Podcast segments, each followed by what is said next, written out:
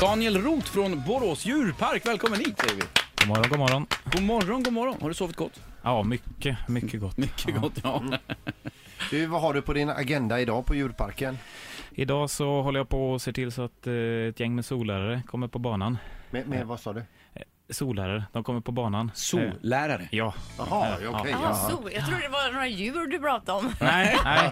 Så, eh, det är liksom personal som gäller nu. Och få in dem inför sommaren här nu när det liksom bränner till ordentligt efter midsommar. Ja, är det då det, ni har som mest att göra på... eh, Ja, det är, det är ju, svenska djurparker är ju så att det är ju ungefär en, mellan sex och förhoppningsvis åtta veckor som är liksom massor att göra. Sen så har man ju öppet mycket mera under säsongen men det är ju, det är ju framförallt de där liksom riktiga eh, juli och en bit in i augusti. Ja, och vilket är då det populäraste djuret? Populäraste djuret hos oss är ju definitivt elefant eh, skulle jag säga. Det är ju någonting som eh, Borås har haft under alla år och som folk eh, som kommer till oss vet att vi har. De är fina. Och lejon. Lejon också, eh, de har ju också varit med från första starten, ifrån Simba på 60-talet och, och framåt då. Vi eh, pratade under låtens gång här. Hur länge klarar sig en eh, människa om man går in i, en, i lejonens bur eh, och bara ska gå in och vända och gå ut igen? Det är sånt där ämne som en djurparksolog vill bara hålla sig borta ifrån för Mm. det är liksom otäckt ämne och sådär. Men, men eh, de, våra djur är ju vilda så Ja. att det är ju det är ju farliga djur. Och djur på djurpark, alltså stora rovdjur, de är oftast eh, mindre skygga då än vad, vad vilda djur är. Så på, på det sättet så är de ju farligare. Men, de men stora. klarar du dig eh, två, tre eller fyra sekunder? Ja, det beror ju lite grann på. Eh, lejon är ju- skyr ju vatten så att det ger väl möjligtvis några sekunder då. Men, eh, För det är men, men någon vatten, tig- eh, Ja, som går precis. runt Men där. tigrar älskar ju vatten så att eh, det, ja.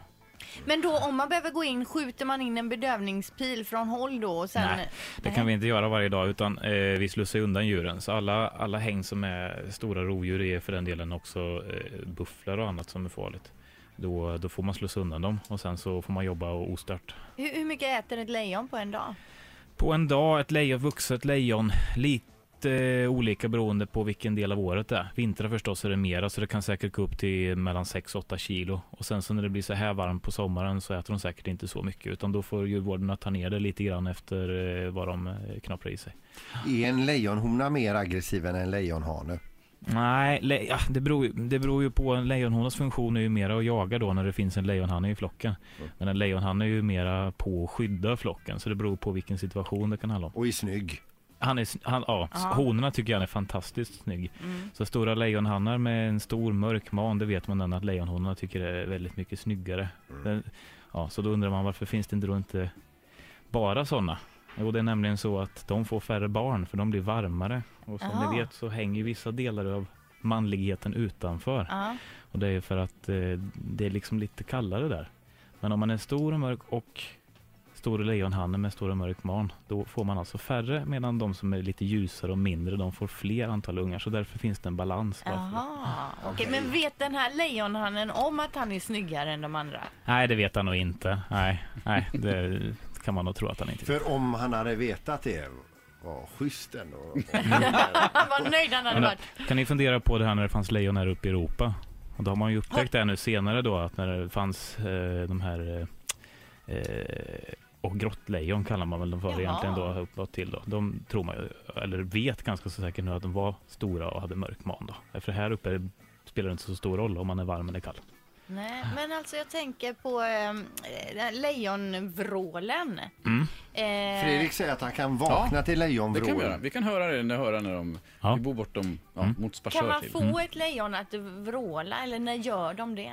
Nej, de gör det vissa tider på dygnet. Jag tror att du hör dem framförallt på kvällen. Ja. Någonstans precis när, eh, när, det skym, alltså när solen går ner Precis. vid trädtopparna ungefär. Ja. Då brukar man höra det. och då bär det väldigt bra också, kommer lite luftfuktighet. Men och då, varför vrålar de? Ja, det är ju ett, alltså ett medfött beteende som, som eh, kommer med att de visar vart reviret är, vart flocken är någonstans och så att eh, andra lejonflockar ska veta det. Nu är hålla det, sig lite, borta. ja, Jaha, nu är ja. det lite andra, dåligt med andra lejonflockar runt Borås då. Men, Ah. eh, Ja, Fre- men jag Fredrik, har du alltid sam- trott att det var när ni matar dem, men så är det inte då. Nej, nej, nej, nej, nej. nej. Men hur utan- låter det Fredrik? Vilket är Var det din- likt? nej, Nej, ja, ja. okej, vi kan säga Tack, det då. tack, Ja. tack, tack. Ett poddtips från Podplay.